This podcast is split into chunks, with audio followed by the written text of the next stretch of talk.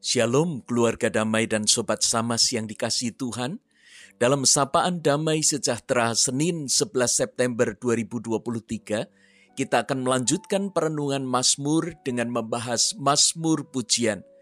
Mari kita bersama memohon dengan doa agar Roh Kudus menjelaskan kesaksian pemazmur dan kita dapat mengucap syukur atas karya Tuhan dalam hidup kita. Bapa, hari ini kami ingin mempelajari kebenaran firman-Mu melalui kesaksian pemazmur yang mengalami pertolongan Tuhan dan menyatakan rasa syukurnya dengan menuliskan mazmur pujian. Terangilah hati dan pikiran kami, di dalam nama Yesus kami berdoa. Amin. Sobat Samas dan keluarga damai, bacaan kita hari ini terambil dari Mazmur 103. Kiranya kita dapat membaca keseluruhan Mazmur ini, dan secara khusus saya akan membacakan ayat yang kedua sampai ayat yang kelima. Demikian firman Tuhan. Pujilah Tuhan, hai jiwaku, dan janganlah lupakan segala kebaikannya. Dia yang mengampuni segala kesalahanmu, yang menyembuhkan segala penyakitmu. Dia yang menebus hidupmu dari lubang kubur, yang memahkotai engkau, dengan kasih setia dan rahmat. Dia yang memuaskan hasratmu dengan kebaikan, sehingga masa mudamu menjadi baru seperti pada burung Raja Wali. Keluarga damai dan sobat samas yang dikasih Tuhan, Mazmur pujian mudah dikenali karena dipenuhi dengan kata-kata sukacita yang ditujukan kepada Tuhan. Pemazmur mengutarakan perasaannya dengan penuh sukacita atas kebaikan Tuhan – dan melalui pujiannya pemazmur menyadari akan kehadiran dan penyertaan Tuhan. Struktur umum dari Mazmur pujian ini ada tiga, yaitu panggilan untuk memuji Tuhan, alasan mengapa memuji Tuhan, dan ajakan untuk memuji Tuhan. Panggilan untuk menyembah Tuhan biasanya dimulai dengan panggilan kepada diri sendiri untuk memuji Tuhan. Dan setelah itu disusul dengan panggilan yang ditujukan kepada orang-orang lain yang percaya kepada Allah. Kata-kata yang sering dipakai adalah sebuah perintah, pujilah Tuhan.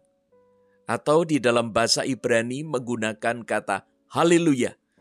Misalnya di dalam Mazmur 113 ayat yang pertama, di sana pemazmur menyebut haleluya, pujilah hai hamba-hamba Tuhan Pujilah nama Tuhan. Ada juga yang menggunakan pernyataan sederhana dari pemazmur bahwa dia ingin mempersembahkan pujian kepada Tuhan. Misalnya di dalam Mazmur 92 ayat yang kedua, adalah baik untuk menyanyikan syukur kepada Tuhan dan untuk menyanyikan mazmur bagi namamu, ya yang maha tinggi.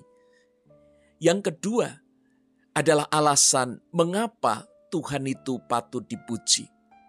Pujian kepada Tuhan tidaklah asal, bukan sesuatu yang abstrak atau tanpa sebab ikut-ikutan saja. Jika kita mengingat kasih maupun karya Tuhan dalam hidup kita, maka kita tentu sepakat bahwa Ia sudah berbuat sesuatu dalam kehidupan kita secara pribadi. Demikian juga, Tuhan sudah melakukan banyak hal dalam kehidupan seluruh umatnya. Ada kuasa dan kekuatan yang membuat kita memuji. Jika kita ingat secara jelas apa yang Tuhan sudah kerjakan bagi kita, maka kita pun akan dengan mudah, dengan penuh kekuatan dan keyakinan untuk memuji Tuhan. Sehingga biasanya ada kata di dalam bahasa Ibrani, ki, yang artinya sebab ini menjadi referensi bagi pemazmur yang membuatnya bisa menaikkan mazmur pujian. Mazmur pujian itu bisa dibagi lagi berdasarkan alasan pujian yang disampaikan. Misalnya, Tuhan dipuji sebagai pencipta semesta, sebagai pelindung dan pemelihara Israel, Tuhan atas sejarah, atau Tuhan yang merupakan raja. Selain alasan-alasan personal, sebagai pengalaman pribadi pemazmur, biasanya ada alasan penting mengapa pemazmur memuji Tuhan, yaitu karena Tuhan sudah menyelamatkan Israel dari kesusahan, kesulitan. Ia telah menebus Israel dari musuh-musuhnya. Bagian yang ketiga adalah ajakan kepada orang lain untuk memuji Tuhan. Ajakan ini sebenarnya punya makna yang mendalam. Karena pemazmur bukan hanya ingin mengajak orang lain untuk menyanyi atau membacakan mazmur yang dia tulis, tetapi pemazmur mengajak orang-orang untuk berefleksi, mengingat dan menyadari apa yang sudah Tuhan kerjakan di dalam hidup orang tersebut. Insight inilah yang kemudian membuat orang mampu bersyukur untuk memuji Tuhan. Mazmur 103 yang kita baca hari ini merupakan salah satu contoh dari Mazmur pujian yang digubah oleh Daud yang memuat ungkapan pengalaman pribadi serta keyakinan kepada Allah yang penuh dengan cinta kasih. Ada beberapa lagu rohani yang terinspirasi dari Mazmur 103 ini. Misalnya lagu Kidung Jemaat 288, Mari Puji Raja Sorga. Atau lagu Sejauh Timur dari Barat, lagu Bless the Lord, lagu Sing to the Lord and Praise Him. Dalam Mazmur 103, Daud menyerukan kepada umat untuk ikut memuji Tuhan dengan segenap jiwa dan batin. Dengan mengingat segala kebaikannya. Ada latar belakang yang membuat pemazmur mengajak bangsa Israel memuji Tuhan. Yaitu pembebasan yang Tuhan kerjakan atas krisis atau kesulitan hidup baik Daud secara pribadi maupun Israel sebagai bangsa, ada anugerah dan berkat yang telah mereka terima dari Allah. Ada pengalaman pribadi Daud bersama Tuhan, khususnya ketika ia mengingat belas kasih Allah dan pengampunan dosa yang telah diterimanya. Daud juga mengajak bangsa Israel mengingat bagaimana Tuhan menyertai mereka pada zaman Musa. Di dalam kehidupan Musa, serta penyertaan Allah yang dialami oleh bangsa Israel di masa yang lalu. Mazmur 103 menegaskan bahwa mendengarkan firman dan berpegang pada perintah Allah merupakan kewajiban dari orang percaya. Dengan demikian mereka akan terus mengalami kasih setia Tuhan selama-lamanya. Dalam Mazmur ini Daud bukan hanya mau mengatakan bahwa Tuhan telah mengampuninya, tetapi dia juga menyaksikan bahwa Tuhan juga mau mengampuni kita. Tuhan yang sudah menyembuhkan penyakit Daud, dia juga mau mengatakan bahwa Tuhan mampu menyembuhkan penyakit kita. Mazmur ini pertama-tama mengajak kita untuk mengingat bagaimana Tuhan mengampuni dan menyembuhkan kita di masa lalu. Dan seharusnya kita mensyukuri apa yang telah Tuhan kerjakan. Ungkapan syukur ini yang akan membuat kita tetap memiliki pengharapan untuk menghadapi tantangan yang baru di depan kita. Tuhan bukan hanya mampu mengampuni kita, tetapi Tuhan juga membawa kita kepada satu perubahan hidup. Karena itu, Dia mengisi hasrat kita untuk tidak lagi berbuat dosa atau tinggal di dalam dosa, melainkan kita diisi untuk keinginan-keinginan berbuat kebaikan kita mengalami pembaruan dan kekuatan baru. Ayat kelima menyebut bahwa dia yang memuaskan hasratmu dengan kebaikan, sehingga masa mudamu menjadi baru seperti pada burung Raja Wali.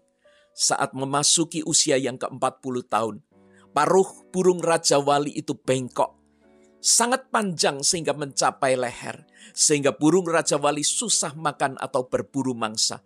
Cakar-cakarnya tidak lagi setajam dulu dan bulu-bulunya yang begitu tebal yang membuat dia sulit untuk terbang tinggi. Tapi dia punya dua pilihan. Apakah dia akan tetap diam dan menunggu mati di usia 40 atau dia akan melakukan transformasi sehingga dia bisa mencapai umur 70 tahun.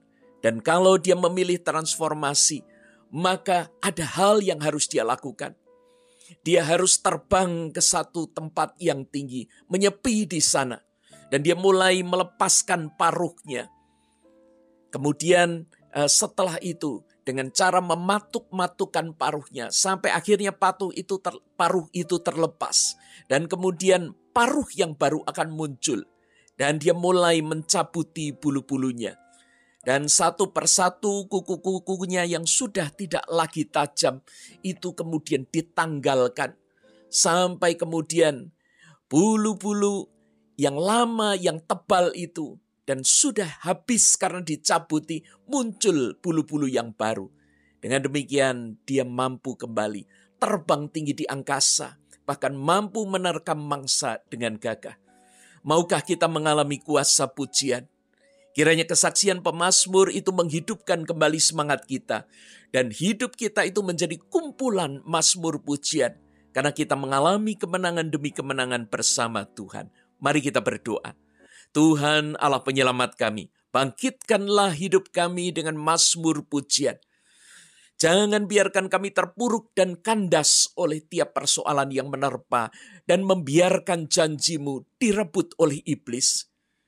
Buatlah kami tidak lagi menangisi kekalahan kami, namun dibangkitkan oleh karena mazmur pujian yang menyegarkan hidup kami kembali.